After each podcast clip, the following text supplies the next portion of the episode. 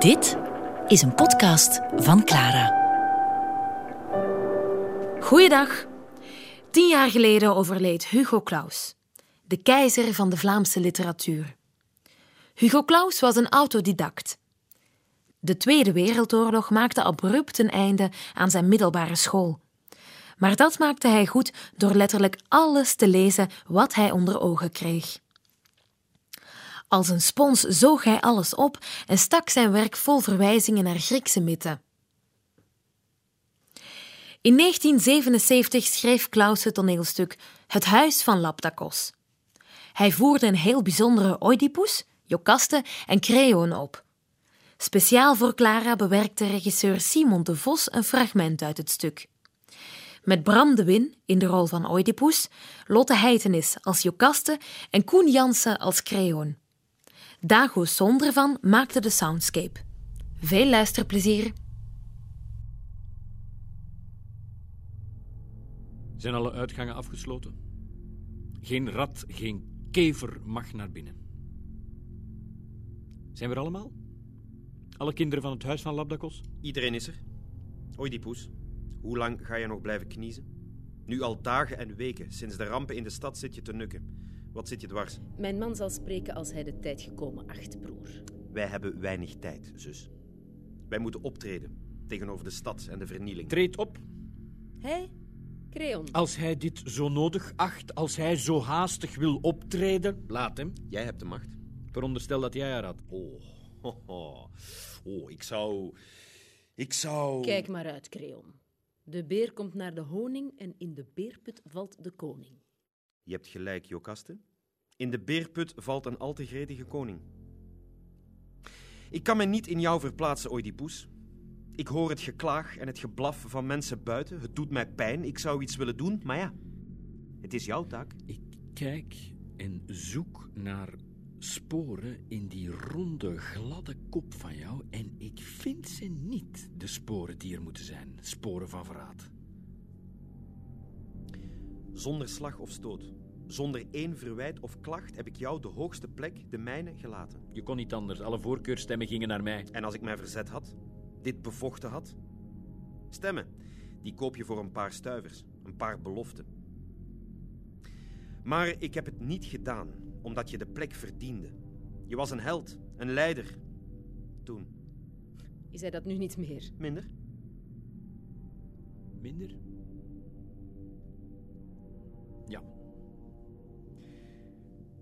Is makkelijker een held te zijn dan een bestuurder. Er zijn fouten gemaakt. Dat kan niet anders als je moet besturen. Wie niks doet, maakt natuurlijk geen fouten. Dat zei onze moeder altijd. Je kunt niet regeren of aan politiek doen zonder in de modder te graaien van de corrupte handel van de mensen. Er is een andere fout, van een andere aard. Oedipus, nee. Van een zo'n andere aard dat zij mij helemaal ontsnapt, die fout. Dat Nee. ik geen vinger kan leggen op die wonde. Oedipus. Het ongeluk dat onze familie en daardoor de stad heeft getroffen. Het is vreselijk, duister, ongrijpbaar. Maar misschien was het niet te vermijden. Misschien lag het in de natuurlijke orde van de dingen. Wij zijn wellicht te lang gelukkig geweest. Een te lange voorspoed vraagt om rampen. Welke rampen zich ook voordoen, daar is men zelf verantwoordelijk voor. Of wou je je beroepen op een of andere god die grillig, kwistig strooit met kwaad en goed naar gelang zijn goddelijke muts staat, Kreel? En hoe kan je altijd weten waar je verantwoordelijk voor bent? Er is zoiets als waarheid.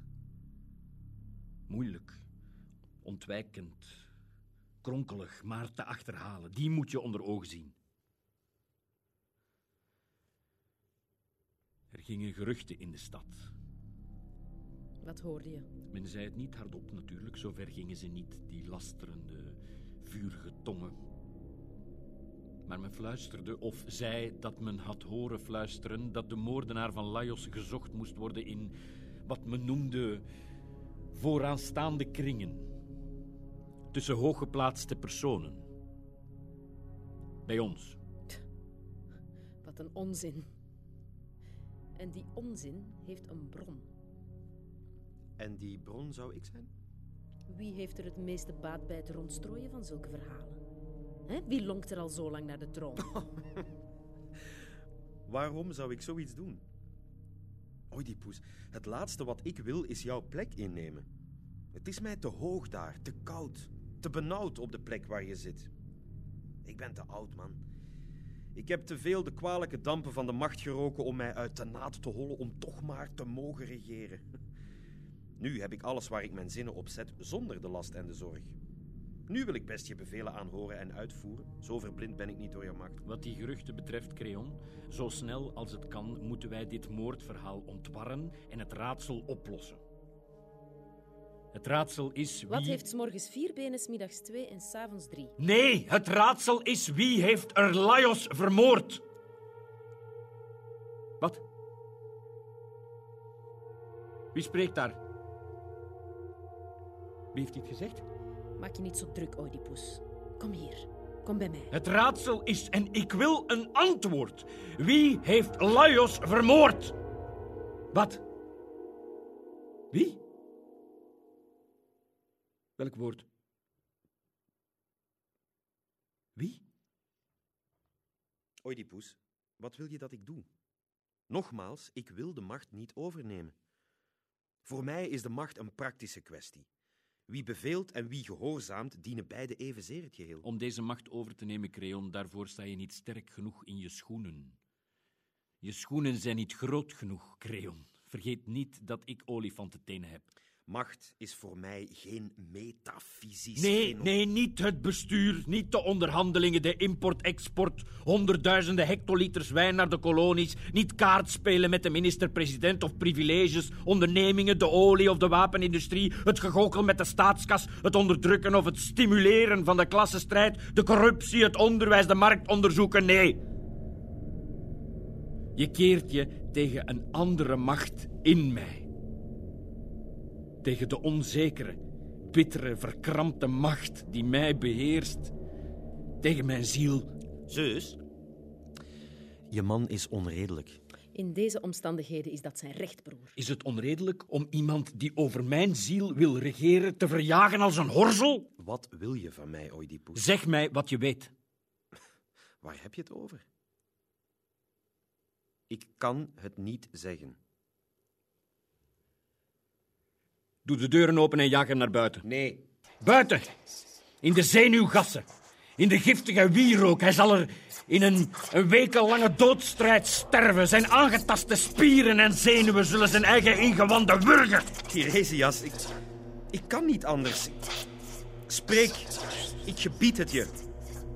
Ik hoor niets. Luister niet naar hem. Niet naar Theresias, mijn lief. Dit dubbelslachtig ding is kwaadaardig en ratelt alleen maar in leugens en in list. De leugens van een vrouw, het verraad van een man. Dit manwijf heeft alle kwalen. Spreek, sterrekijker. Terwijl je niet zo lieveling. Ziener, jij die de taal van de vogels spreekt, die de slangen hebt zien paren en daarom blind geslagen werd, stroop dit slangenvel van twijfel van mij af. Ik wil vervellen. Ja. Ja. Ja. Ja.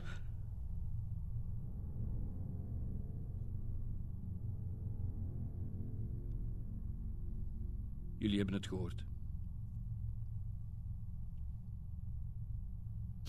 Natuurlijk ben ik bij mijn moeder in bed gekropen. Vaak zelfs als kind nachtenlang, toen ik niet kon slapen van de kiespijn. Natuurlijk heb ik mijn vader gedood.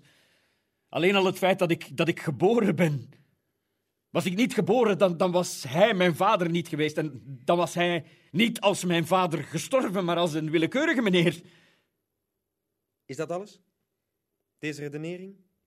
Deze schooljongensredenering? Geloof je dat zelf, Oedipus? Het is een uitleg als een andere, ja? Het kan best de ware verklaring zijn. Hou je aan deze, Nee, Oedipus? nee, nee. Natuurlijk niet. De ware verklaring jeukt in zijn bloed, davert in zijn botten. Ik heb het koud. Beheers je, Oedipus. Het is niets. Hè, je hebt te veel gedronken. Eh, Er is niets te vrezen. Wij zijn hier bij je. Ja, ik ben het. Jokaste.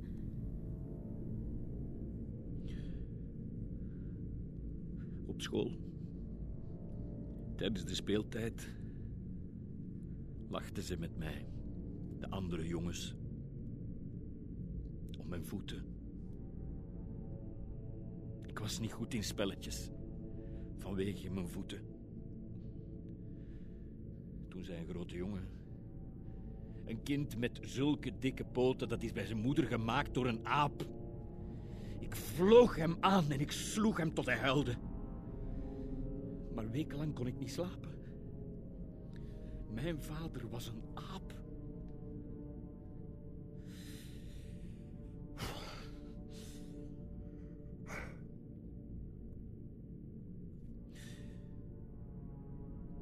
Kinderen van Labdakos, luister. Een koning zit niet blij op zijn troon. Hij zit op een klip. In hagel en wind. Zelfs de lichtste bries van de branding verschroeit zijn gezicht. Niemand beschermt hem, alleen een koning kan beschermen. Zichzelf en zijn voorvaderen. Het lijk van Laios werd niet beschermd of geëerd. Het lijk van Laios werd schandelijk vergeten, want zijn vuige moordenaar loopt vrij. Daarom moet die man gevonden worden, voordat de avond valt. Hij, hij moet gezocht worden. In de grotten, tussen de rotsen, in de, in de velden, in de plooien van de aarde. Hij moet opgejaagd worden, als een everzwijn. Niemand mag hem een homp brood geven of een druppel water. Geen bed voor die man in de nacht. Geen huis in de vrieswind. Geen vuur voor de kou in zijn gebeente. Geen vrouw voor zijn lust.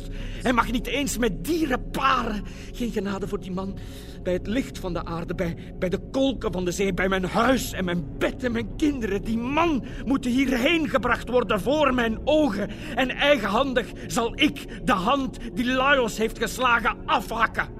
Die man zal leegbloeden als een zwijn.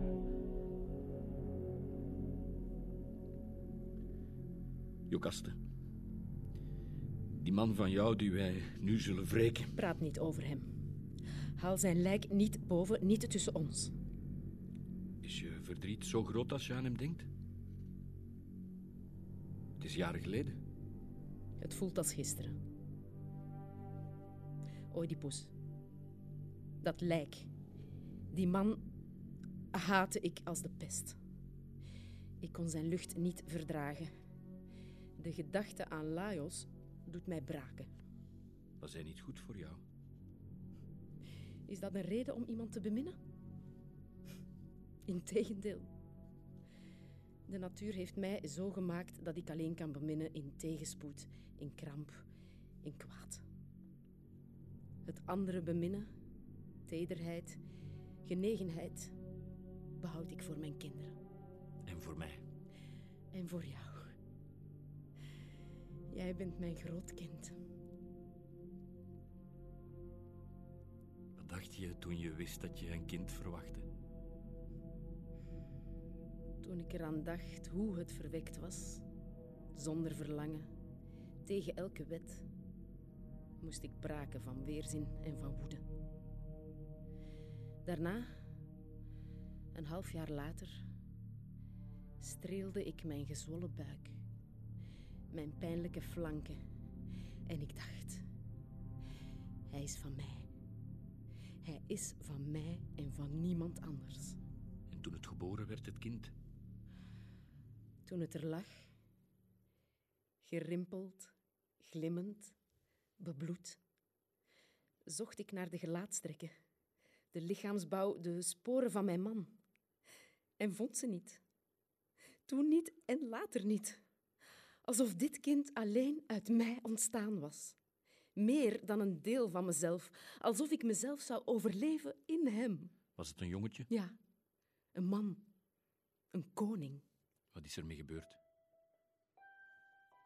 Hij heeft mijn kind gestolen uit zijn wieg. S'nachts. Het had mijn melk nog op zijn lippen. Hij propte het in een koffer en reed ermee weg. In de bossen waar hij een houthakker ontboden had, die het onthoofde met zijn bijl. Die dag. Toen de zon begon te zakken achter de rotsen terwijl het regende, wachtte ik op hem. Op Laios. Er was die avond een regenboog. Ik wist dat mijn gebed verhoord was. Welk gebed? Elke nacht bad ik het. Als hij dronken, zwetend, als een zoutzak in ons bed was gezakt. En ik naar dat snurkend hoofd op het hoofdkussen keek naast mij. Welk gebed? Dat hij zou sterven. En toen kwam er een dienstmeid aangelopen en ik wist het. Mijn hart sloeg tegen mijn ribben, ik wist het. De dienstmeid zei dat ze hem gevonden hadden in een opening van het bos, leeggebloed. Toen, toen ben ik in het bad gegaan. Een uur lang in het schuim. Ik durfde niet te zingen, maar, maar ik zong. Nu begint mijn echte leven. En dat was jij. Jij, die mijn vader bent, en mijn broer, en mijn man, en mijn minnaar, en, en mijn kind.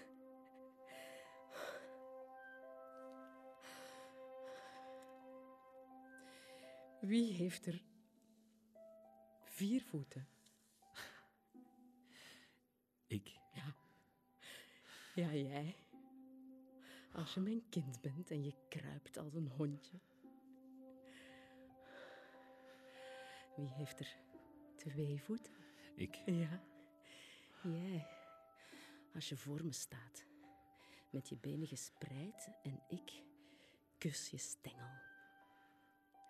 Wie heeft er drie voeten?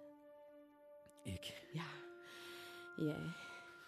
Als we samen oud zullen worden. We wandelen en je steunt op een wandelstok. Je derde voet.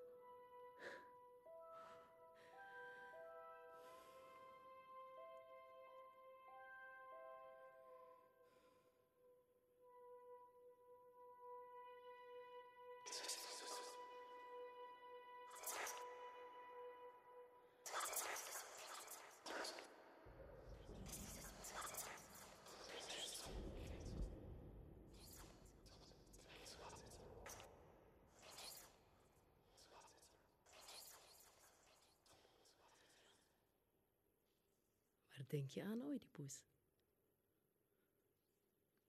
Aan de stad. Het is herfst. En de mensen vallen als bladeren. Dat ik en ik alleen de schuld draag voor het ongeluk van de stad. Zwijg toch. Weet je nog die dag, Oedipus, dat je in onze stad aankwam? Ik zat erbij bij de hoge heren van de regering. Ik begroette je op de marmeren trap. Ik heb je toegesproken tijdens het diner. En ik keek naar je voeten. En in mijn bureau hebben wij die nacht aan jou de macht overgedragen en beklonken met champagne. Ze knalden uit je gelakte schoenen. Dom Perignon. Weet je nog? Hoe had ik je voeten niet kunnen herkennen? Mijn voeten. De schuld. De macht. Een vader die een andere vader. Tiresias! Ziener! Dit is de laatste maal dat ik het vraag. Ontwar deze strikken. Breng hier licht. Het sterkste licht, of ik zweer het, ik laat je ter plekke vierendelen.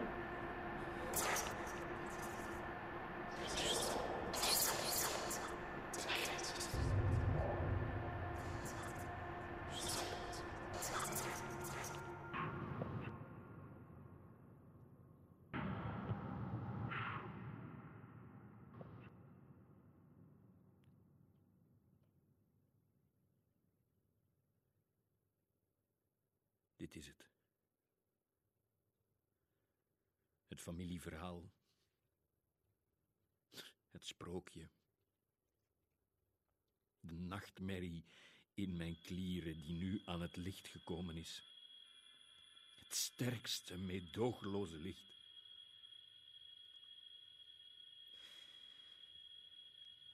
Wat moet ik doen? Ik moet iets, ik moet iets bedenken. Denk, denk, denk, kind. Kind van haar. Ik mag niet sterven. Mijn dood moet elke dag opnieuw herhaald worden, anders is er geen boete. Zij, zij moet mijn misdaad waardig zijn, een ellendig lange boete. Licht, meer, meer licht voor wie zo schuldig in het donker zat. Want het zonlicht was zwart toen ik hem sloeg. Het daglicht was nacht toen ik haar beklom. Het zou voor ons en voor de stad wenselijk zijn als hij in deze staat een tijdje wegbleef uit de herinnering van de mensen. Een herfstblad is een deel van een boom en een boom een deel van het woud en het woud staat in een staat en die wordt geregeerd.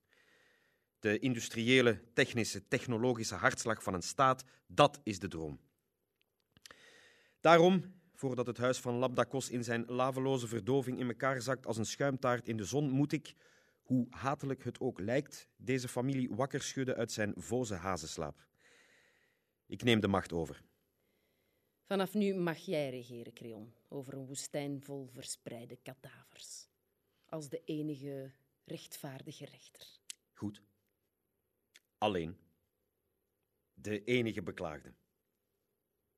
Misschien is dit het wat ik al door heb gewild. Geen familie meer. Goed. Niet meer gebonden aan die navelstreng. Sommigen kunnen klagen. Klagen verlicht. Tranen, pis, slijm, snot. Het stoot de gemartelde ziel naar buiten, naar het licht. Bij mij slaat het verdriet naar binnen. Vader geweest. Echtgenoot. Vriend. Zo weinig. Mijn lot is anders. Dames en heren, het ongeluk. Al mijn zinnen beginnen met het ongeluk. Al die dode helden. Zij werden helden uit walg of uit onverschilligheid en noemden dat hun geweten. Ik walg niet, landgenoten. Ik graai in de klei, in de drek van uw slordige, vunzige compromissen en maak een model voor uw samenleven. Ook ik heb tranen. Ook ik heb medelijden met zoveel verloochening, met zoveel offers. Maar er zijn andere prioriteiten. Ook ik dans tussen kennis en gemis, tussen begeerte en genot. Maar mijn kracht is het kiezen. En ik kies voor mezelf. Goed. Mezelf. Gesplitst tussen de plicht en het verlangen, kies ik voor het schommelen tussen beiden. Niet voor de achtervolgingswaanzin en de droom die een van beide tyranniek gebiedt. Ontdek ook onze andere podcasts via clara.be.